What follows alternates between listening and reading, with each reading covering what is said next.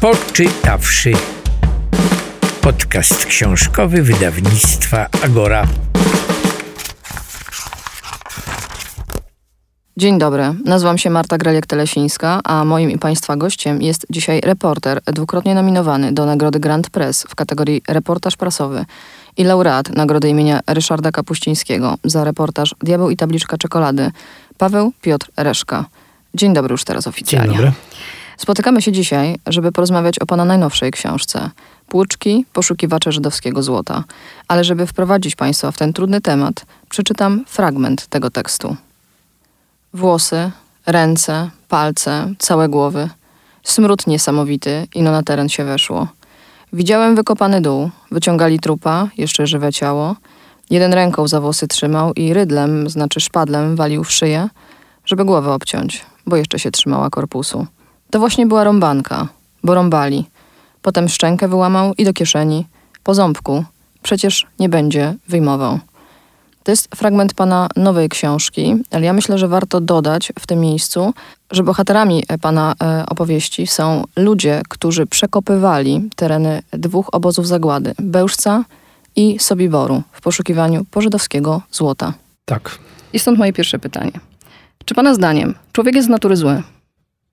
Nie jest ani dobry, ani zły. Jest taki, jakie mm, są okoliczności. A pana zdaniem to były okoliczności? E, No to były okoliczności, które e, niewątpliwie skłaniały do tego, żeby te cechy złe e, uwidoczniły się łatwiej niż dobre.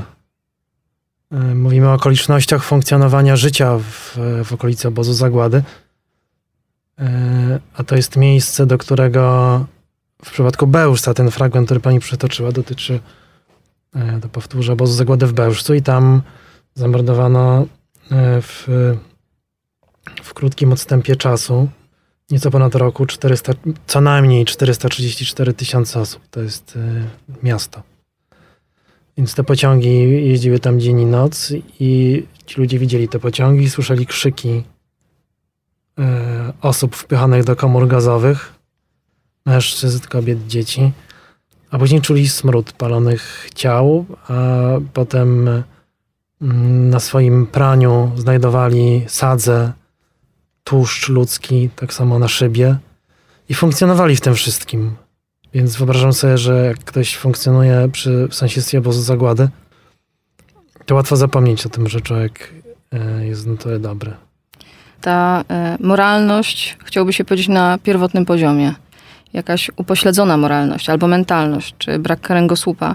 Tylko ja zastanawiam się, czy właściwie wobec nie tylko tych okoliczności, o których Pan mówi, ale wobec właśnie ludzi mieszkających na tym terenie, w jakimś sensie trochę zapomnianych przez Boga, czy my mamy prawo ich oceniać? Czy oni byli w ogóle świadomi tego, co robią? Czy oni czuli, że robią coś złego?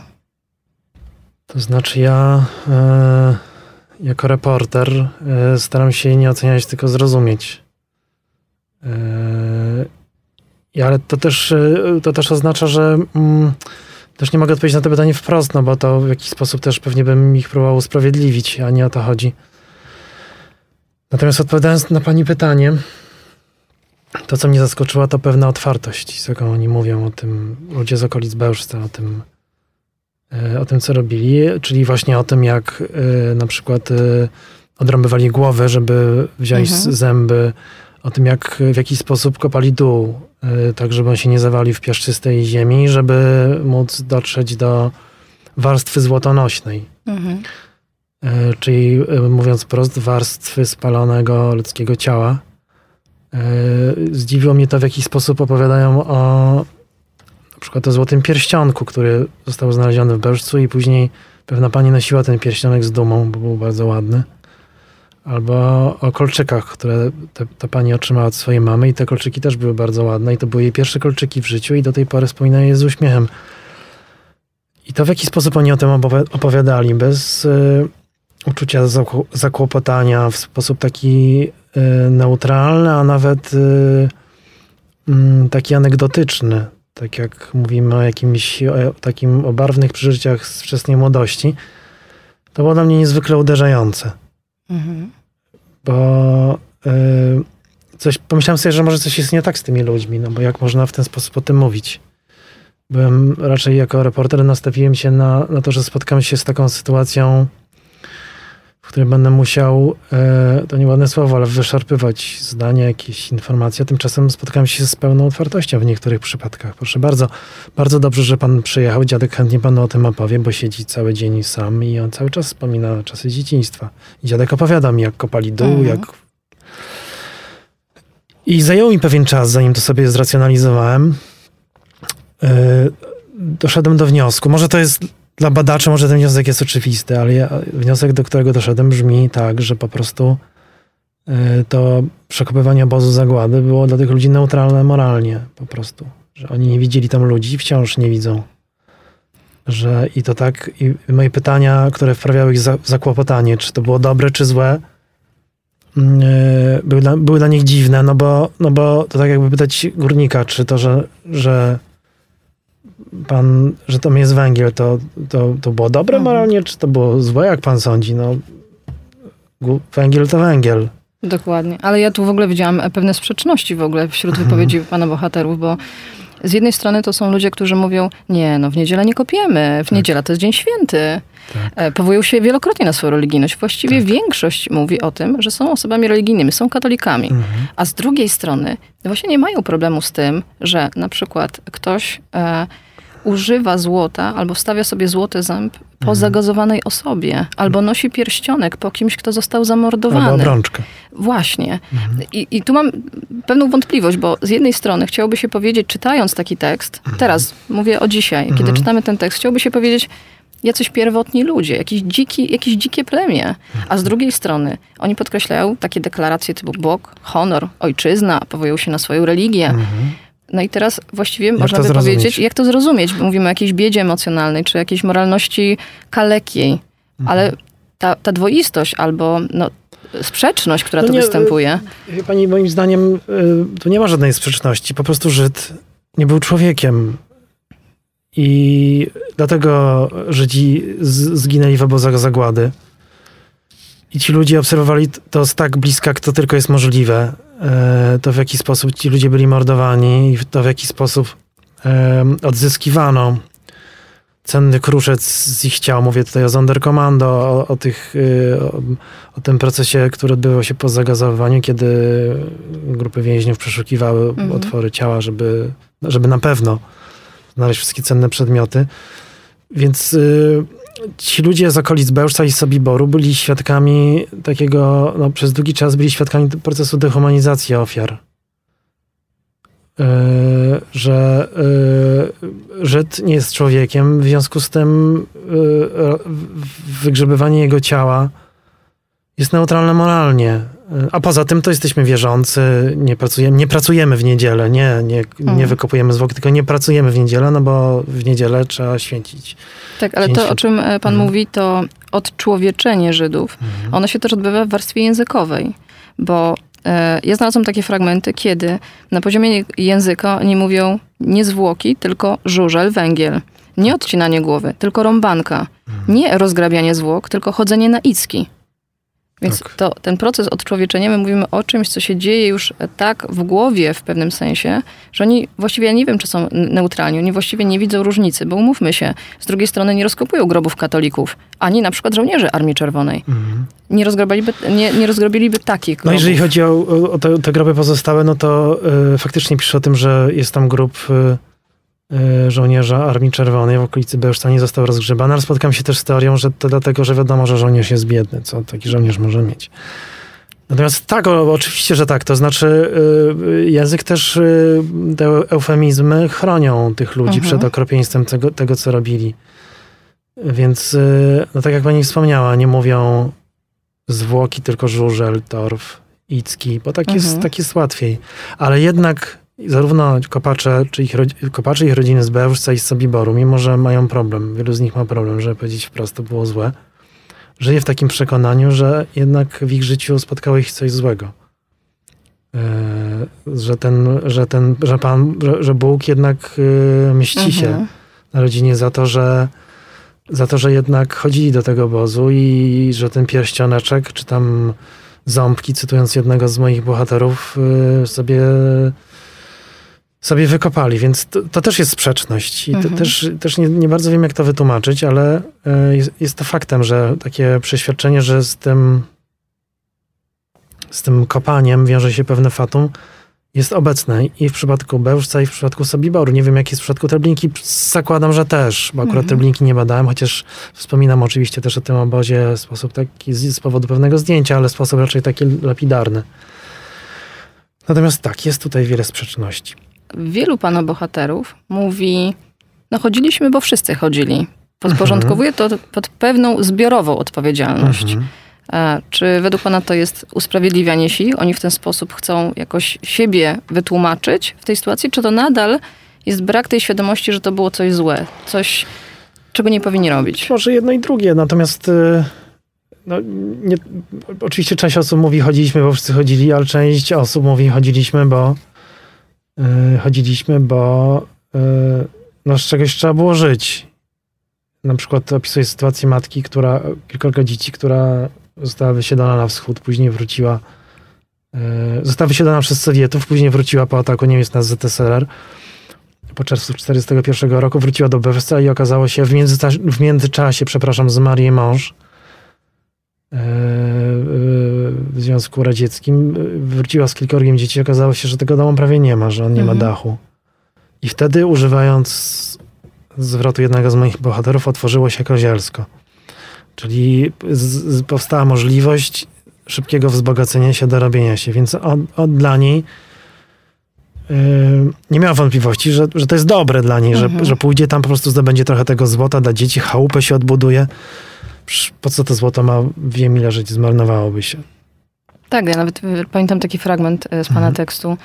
Nie było krowy, jest krowa. Tak, Nie było konika, jest konik. tak. No i w chacie pomogło, pomogło bo właśnie Tak. ktoś odnalazł, wykorzystał to złoto, Mhm. postawił sobie dom. E, część na przykład wykorzystała to, bo e, na kwestię ślubu, jakiegoś Mhm. dalszego przyszłego życia, jakiejś No przyszłości. Więc właśnie, właśnie. yy, E, To, to jest niesamowite, że właściwie potraktowano to jako pewnego rodzaju inwestycje na przyszłość, tak? Bo nie mieli, teraz mają, mogą sobie na to pozwolić, Mhm. a z drugiej strony właśnie tacy bohaterowie, o których pan przed chwilą wspomniał. Mhm. Ludzie, którzy mówią, no ale co mi to dało właściwie, kiedy to jest, um, używają takiego określenia, które mówi o tym, że z tego się nie da dorobić. Czyli to przynosi w jakimś sensie pecha. Niektórzy tak, wierzą, Tak. wierzą, wierzą tak, że to przynosi pecha, ale też z drugiej strony to byli, nie zapominajmy, że mamy do czynienia z ludźmi prostymi, którzy Mhm. nie znali wartości, yy, wartości złota tak naprawdę i też nie, nie wiedzieli jak, jak, jak obracać yy, tym złotem, co z nim robić i za na ile je wycenić. Już nie wspominając o brylantach i Mhm. innego rodzaju jakichś takich, jakichś takiej o, o biżuterii. W kwestii tej prostoty to ja pozwolę sobie nawiązać do języka. Bo muszę przyznać, e, że mm, ta część pana tekstu poświęcona e, Bełżcowi Mhm. była dla mnie niezwykle bolesna. Mm, Właściwie mm, ja do niej wielokrotnie wracałam.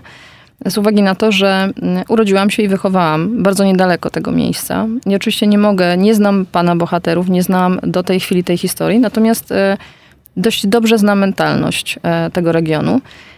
I to, co mnie przekonuje, albo być może wiem, że pan mnie nie okłamał, to jest właśnie język tych bohaterów. Pewne zdania, które są bardzo krótkimi zdaniami, albo wręcz e, są, e, nawet nie są zdaniami. W niektórych wypadkach można powiedzieć, że, że to są pojedyncze wyrazy, które tworzą według pana bohaterów odpowiedź. E, zresztą bardzo charakterystyczną, bo mm, w tym regionie najczęściej nie odmienia się części czasowników.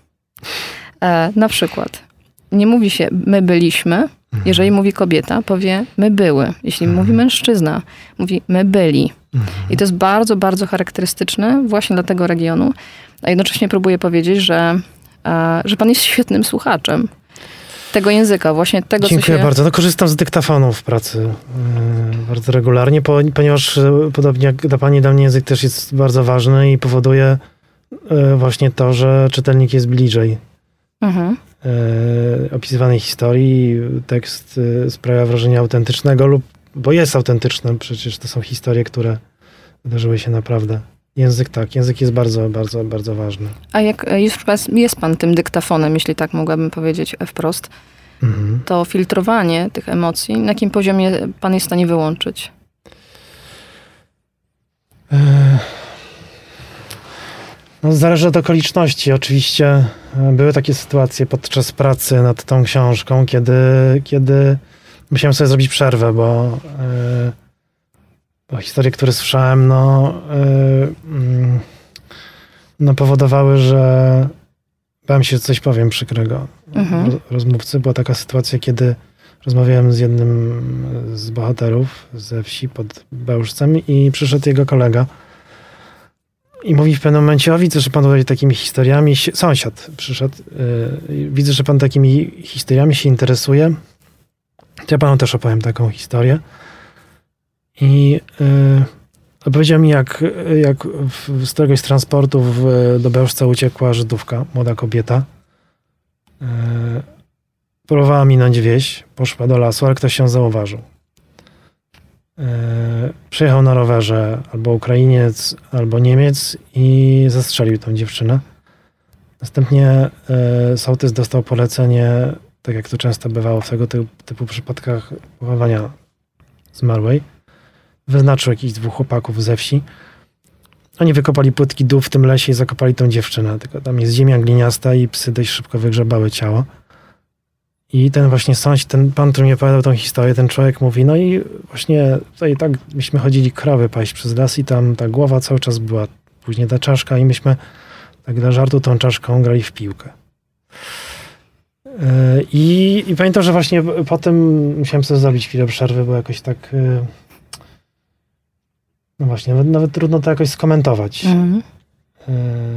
Pamiętam, na, na drugi dzień poszliśmy do tego lasu, bo mi zależało na tym, żeby podał mi dokładną lokalizację. Chciałem, yy, bo pomyślałem sobie, że yy, warto by w jakiś sposób upamiętnić tę osobę. I on nawiązał do tego mojego zmieszania, zorientował się, że, że, że, że byłem zm- zmieszany poprzedniego dnia i mówi, no pan taki był zmieszany, no to pan pewnie Żydem jest. Mhm. Już e, Bo to jednak- domniemanie. Bo, Mhm. jednak, bo jednak tutaj swój o swojego bardziej dba i tak. Tego rodzaju postawa, to, Mhm. to zachowanie, to jest tylko polskie? Tylko lubelskie? Czy Ja jestem, uniwersalne? ja jestem, no, ja jestem przeciwnikiem wszelkiego rodzaju ogólnień, więc nie Mhm. przypuszczam, żeby coś nas wyróżniało na plus czy na minus. Yy, I przypuszczam, że takie postawy, zamknięcia są charakterystyczne nie tylko dla Lubelszczyzny czy Podkarpacia, ale w ogóle też bardzo wielu innych rejonów, zwłaszcza takich, gdzie biednych, z problemem z dostępem do edukacji. Yy, Więc nie uważam, żeby to była postawa, która pozwalałaby nam pokazać paluchę na ten region Mhm. i powiedzieć, o proszę bardzo, jacy tam ciemni ludzie mieszkają. A gdzie pana zdaniem w tym czasie był ten świat moralny? Ci wszyscy sprawiedliwi wśród narodów świata? Ale w jakim czasie? W czasie e, choćby tuż powojennym albo w latach 50., bo pan pisze również o historii, która nie zakończyła się tuż po wojnie. Mówimy nawet o latach 60., kiedy No ludzie nadal to robili. No sprawiedliwi pewnie byli w domach yy, i nie chwalili się za bardzo tym, Mhm. że yy, jak wiemy z, z, już z licznych tekstów, sam zresztą napisałem kiedyś jeden z nich, o tym, że ludzie, którzy pomagali Żydom w czasie II wojny wcale nie kwapią się, do, nie kwapią się, żeby opowiadać o tym na prawo i lewo, ponieważ obawiają się, że ich intencje mogą zostać opacznie zrozumiane i, i sąsiad powie, zarobiłeś trochę na tym Żydzie. Zarobiłeś. I nawet y, opisywałem sytuacje, w których y, proszono ambasadę Izraela, że bardzo chętnie przyjmiemy dyplom, ale może tak po cichutku, Mhm. żeby, Żeby nikt nie żeby, żeby nikt nie widział, prawda?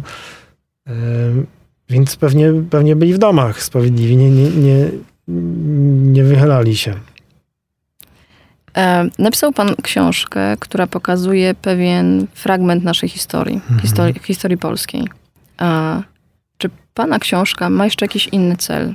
Czy to nie jest również e, tekst, który, albo dzięki któremu mogą odzyskać pamięć albo godność ci zbezczeszczeni? Bo ich nie okradziono, nie okradziono tylko ze złotych zębów, tylko z Mhm. Oczywiście. honoru i z pamięci. Z godności, tak. No to jest, mm, zaczynam ten tekst od, e, od takiej listy, oczywiście dosyć skąpej. E, Mówię o, o, o, liście ofiar obozu zagłady w Bełżcu. Wymieniam ich z imienia, nazwiska, piszę kilkuzdaniowo, kim są. I kończę listą przedmiotów e, znalezionych w sobie Boże, która też należała e, do ofiar tego obozu zagłady. Bo tak naprawdę chodzi właśnie tutaj w tym wszystkim Mhm. o szacunek. Przede wszystkim o szacunek, właśnie o godność. Jak mówi jeden z bohaterów mojej książki, nawet rozmowa o takiej właśnie dziewczynie, która gdzieś tam została zamordowana w lesie, nawet jeżeli nie pamiętamy jej nazwiska, już przywraca pamięć o niej. Więc e, spełnia jakąś ważną funkcję, moim zdaniem. A czy w Pana odczuciu Pana książka jest w stanie otworzyć jakąś sensowną dyskusję w Polsce na ten temat, Nie Na wydaje mi się. tego fragmentu historii? Nie sądzę. Wydaje mi się, że e, oczywiście wierzę w książki, natomiast nie przeceniałbym e, nie przeceniałbym roli tego reportażu. Kto pierwszy rzuci pana, w Pana kamieniem? Pan się nie boi, że za chwilę w Senacie będzie polskorzycą? E, Nie za specjalnie o tym myślę. Bym się przy tym No, przejmował. w kręgu noblistów, ja wiem. No ja bym się zastanowiła. E, Nie za specjalnie zastanawiałem się nad tym, jak ta książka może być odebrana. Raczej zależało mi na tym, żeby być fair w stosunku do siebie jako do Mhm. reportera i do czytelnika, żeby ten materiał, który zebrałem, żeby, żeby to było zrobione porządnie. E, I również na tym, żeby, żeby te ep- epizody dotyczące Kopaczy były dobrze udokumentowane. Mówię o procesach karnych y, lat 50. i 60. y, z Sobiboru i tak się stało, mam akta tych spraw, Mhm. y, więc oczywiście y, możemy łatwo, są zdjęcia płuczki, Mhm. są zdjęcia RAF, są opisy prokuratora, jak wyglądały te tereny, jak wyglądała amatorska kopalnia złota w Sobiborze, więc to jest to rzecz, której nikt nie jest w stanie podważyć. A może pan wyjaśnić, czy- czym były płuczki? Tak, płuczka to jest y, dziura w ziemi, wykopana na bagnach tuż przy obozie zagłady w Sobiborze, która była wypełniona wodą, bo ten teren jest podmokły. Płuczka słu- służyła do płukania kości, Mhm. do obmywania ich z... y, Kości były wydo- wydobywane uprzednio z masowego grobu, płukano je po to, żeby łatwiej móc dos- dostrzec złoto, a te przepłukane kości były odrzucane jako taki produkt uboczny i w efekcie czego tworzyły się takie zwały przepłukanych kości. Wszystko to są, wszystko to jest bardzo rzeczowo opisane w aktach e, sprawy. I na koniec chciałabym zapytać o historię pewnej fotografii, o której Mhm. pan pisze. Czy tę historię mógłby pan przybliżyć słuchaczom? To jest fotografia, która dotyczy obozu zagłady w, w Treblince i która była takim przyczynkiem do, e, do napisania przez państwo Grosów książki Złote Żniwa i ona się ukazała w 2011 roku i dotyczy eksploatacji ofiar zagłady nie tylko w Polsce, ale w ogóle w całej Europie. Krzyknięto ją bardzo szybko jako rzecz antypolską. E, A fotografia przedstawia, miała, miała, miała jakoby przedstawiać y, ludzi y, rozkopujących obóz zagłady w Treblince, złapanych przez, przez wojsko, tak się wtedy mówiło. I była poddana ocenie krytycznej przez wielu dziennikarzy, którzy twierdzono, że nie ma, nie ma dowodów na to, że ci ludzie faktycznie rozkopywali obóz zagłady. Co więcej, pojawiły się też takie hipotezy alternatywne, alternatywne zgodnie z którymi są to ludzie, którzy porządkują teren obozu zagłady, gdyż y, takie akcje były prowadzone po wojnie. W tym kontekście jakby nazywanie hienami jest dla nich bardzo krzywdzące. Ja zupełnie przypadkowo znalazłem w archiwum cyfrowym Instytutu Pamięci Narodowej fotografię niezwykle podobną. E, Są na niej ci sami ludzie, jest to po prostu inny kadr z tego samego filmu i możemy się dowiedzieć, co to są za ludzie, gdyż jest opis z tyłu tej fotografii. Ten opis brzmi rozkopywacze grobów Treblinki zebrani przed szczątkami ofiar w dniu obławy. Więc wydaje mi się, że to, y, to nam. Jest jednoznaczna. No właśnie, właśnie, właśnie. Bardzo dziękuję, Dziękuję że, również. że również poświęcił pan czas e, na tak naprawdę znalezienie pewnego dowodu, znalezienie potwierdzenia Ach. pewnej historii. E, I bardzo dziękuję za nasze dzisiejsze spotkanie i za ten również tekst. dziękuję. Bardzo ważny, także myślę, że w imieniu tych, którzy nie, nie, nie tylko ten sposób mogą odzyskać swoją godność, ale również swój fragment historii. Bardzo, bardzo dziękuję. Moim Państwa gościem był Paweł Piotr Reszka. Dziękuję bardzo. Ja Państwa zachęcam do przeczytania tego wybitnego reportażu na polskim rynku i jednocześnie zapraszam Państwa do wysłuchania fragmentu książki przeczytanego przez Katarzynę Dąbrowską. Marta Greliak-Telesińska. Poczytawszy podcast książkowy wydawnictwa Agora. Gdy miałem 13 lat, to się dowiedziałem, że brylant nigdy w złoto nie jest oprawiany, tylko musi być w platynie. W przypadku złota ważny jest kolor. O na przykład ósemka, najniższa próba, to jak miedź była troszkę, A złoto im czerwieńsze, tym lepsze. Koronki zębowe to przeważnie szesnastki, osiemnastki, dwudziestki. Dwudziestki czwórki mało gdzie się spotykało. Złotu w ogniu nic się nie dzieje. Platyna jest twardsza od złota w stopnieniu. W platynowym naczyniu złoto stopisz. Ze trzy koronki złote żem znalazł. Ktoś przeoczył w tym żużlu. Wygrzebałem łyżką, wszystko na popiół było spalone, a złoto nie. Ludzie pieniądze znajdowali, ruble, dolary, a ja jeszcze zegarek. Taki mały, kieszonkowy, tylko że nie chodził. Koperta była złota. Ósemka, znaczy niższa klasa. 24 karaty to najlepsze. Że tam jest złoto, to wiadomo było. Transporty przewoziły Żydów, a oni wszystko mieli. A dokładnie przecież ich nie prześwietlili. Żydzi chowali, jak kto umiał. Łykali albo w kondona i w siebie. Ludzie robili dół, promień jakieś 6-8 metrów, żeby się nie uwalało. Potem tak zwany stół, taką półkę, wyrównywali i niżej schodzili. Tam przygotowywali drugi stół. I tak to szło na dwa stoły. Jeden wyrzucał żużel z dołu na pierwszy stół, tam inni przegrzebywali, potem wyżej na drugi, spółka. Ten żużel to miał tak z 50, 70 centymetrów grubości. No pewnie, że śmierdziało. Ale jak sam żużel był, to nie. Specjalne portki miałem i koszule.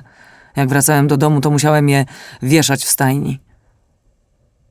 Dołów potem nikt nie zakopywał. Same się uwalały. Poczytawszy. Podcast książkowy wydawnictwa Agora.